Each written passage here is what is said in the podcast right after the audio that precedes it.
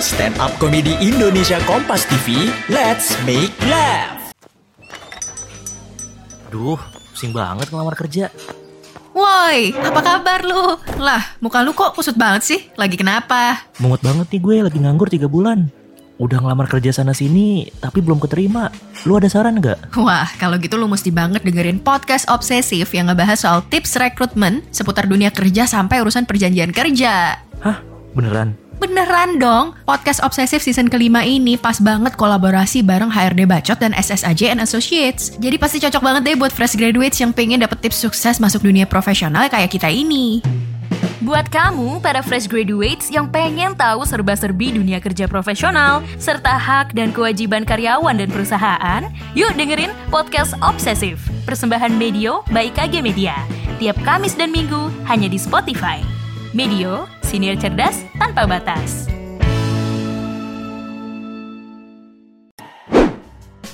Sebelum mendengarkan, jangan lupa klik tombol follow untuk podcast Kompas TV di Spotify dan nyalakan notifikasinya. Jangan lupa follow juga Instagram dan TikTok at Medio by KG Media. Hati-hati, konten ini mengandung gelak tawa akut. Assalamualaikum warahmatullahi wabarakatuh. Terima kasih teman-teman. Berbicara tentang perempuan berarti kita berbicara tentang ibu. Sosok perempuan tangguh tempat kita berteduh membasuh peluh. Dia yang paling mengerti kita saat kita jatuh, mengangkat kita dan memberikan semangat baru. Kalau jatuh dan tak bisa bangkit lagi, itu rumor butiran debu. Teman-teman, laki-laki dan perempuan pada dasarnya adalah satu yang ketika hilang memunculkan rasa rindu. Keduanya dicipta bukan untuk beradu siapa yang lebih maju, tapi untuk saling membantu dalam doa penghulu.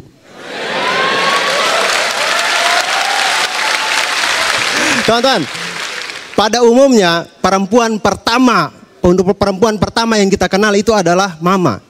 Saya punya mama itu adalah perempuan yang paling suka nonton sinetron. Itu dari zaman dulu yang tersanjung sampai sekarang yang tukang tuak naik haji itu. Semua. Iya. Saya punya mama itu layak mendapatkan piala citra dalam kategori penonton sinetron garis keras di Indonesia. Beliau kalau sudah nonton sinetron, itu semua penghuni rumah itu wajib diam dan tenang. Hukumnya itu fardu ain. Ada yang ribut, itu berarti langsung jadi batu. Langsung jadi batu. Dan saya punya mama itu suka emosi-emosi sendiri kalau pas adegan pemeran utama perempuan disiksa-siksa oleh penjahat begitu. Itu dia di rumah itu yang, hei perempuan, jangan lemah-lemah. Balas dia. Itu gelas di meja itu angkat, angkat lempar, lempar dia. Mama, itu cuma adegan di sinetron. Hei, kau diam, jangan ikut campur. Angkat gelas, lempar, lempar.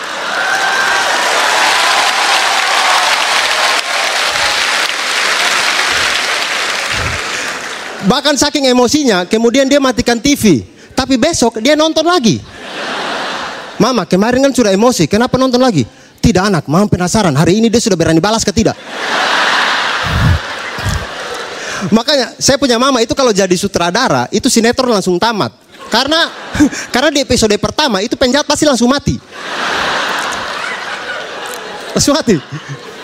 Makanya saya itu paling takut kalau saya punya mama datang nonton suci live di Balai Kartini seperti mamanya Lian begini. Karena kalau dia nonton live seperti ini, itu dia tidak akan duduk diam seperti mamanya Lian. Dia akan jalan dari kursi ke kursi. Hei, saya punya anak itu. SMS, komik favorit. Hei, saya punya anak itu. SMS, komik favorit. Begitu saya tidak lucu. Hei, siapa itu? Siapa? Siapa?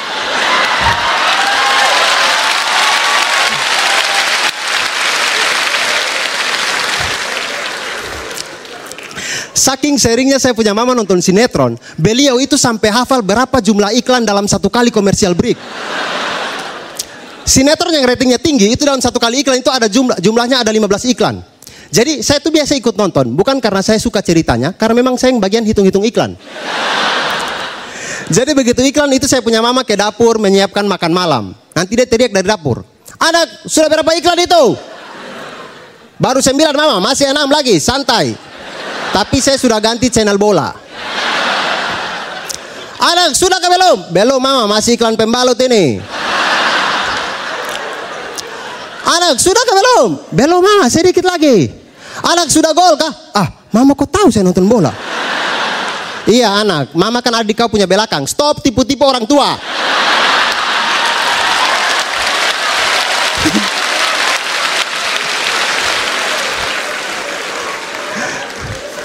Saya punya mama itu sangar teman-teman.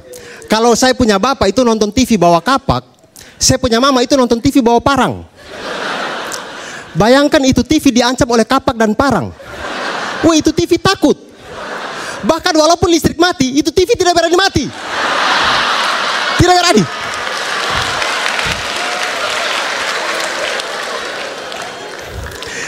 Dan apa karena gara-gara sinetron juga akhirnya saya punya mama itu punya impian agar anak laki-lakinya itu tumbuh putih ganteng seperti Ari Wibowo, Anjas Mara, Jeremy Thomas, Jeremy Teti.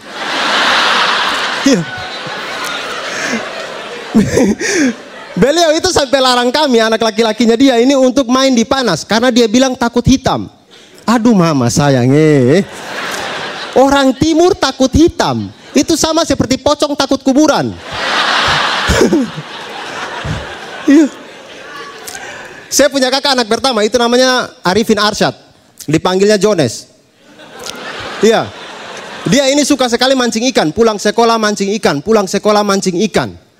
Mama saya itu larang dia karena takut dia hitam.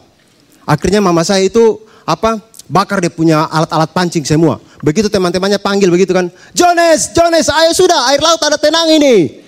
Itu saya punya mama keluar dari rumah, Hei, kalian muka-muka terumbu karang. Kalian kalau mau hitam jangan ajak saya punya anak. Pergi ajak aspal jalan sana. Saya terima kasih selamat malam. Eh pendengar, udah belum nih ketawanya? Ketawanya kita lanjut lagi nanti ya, hanya di podcast Kompas TV edisi Stand Up Komedi Indonesia. Tayang tiap akhir pekan hanya di Spotify.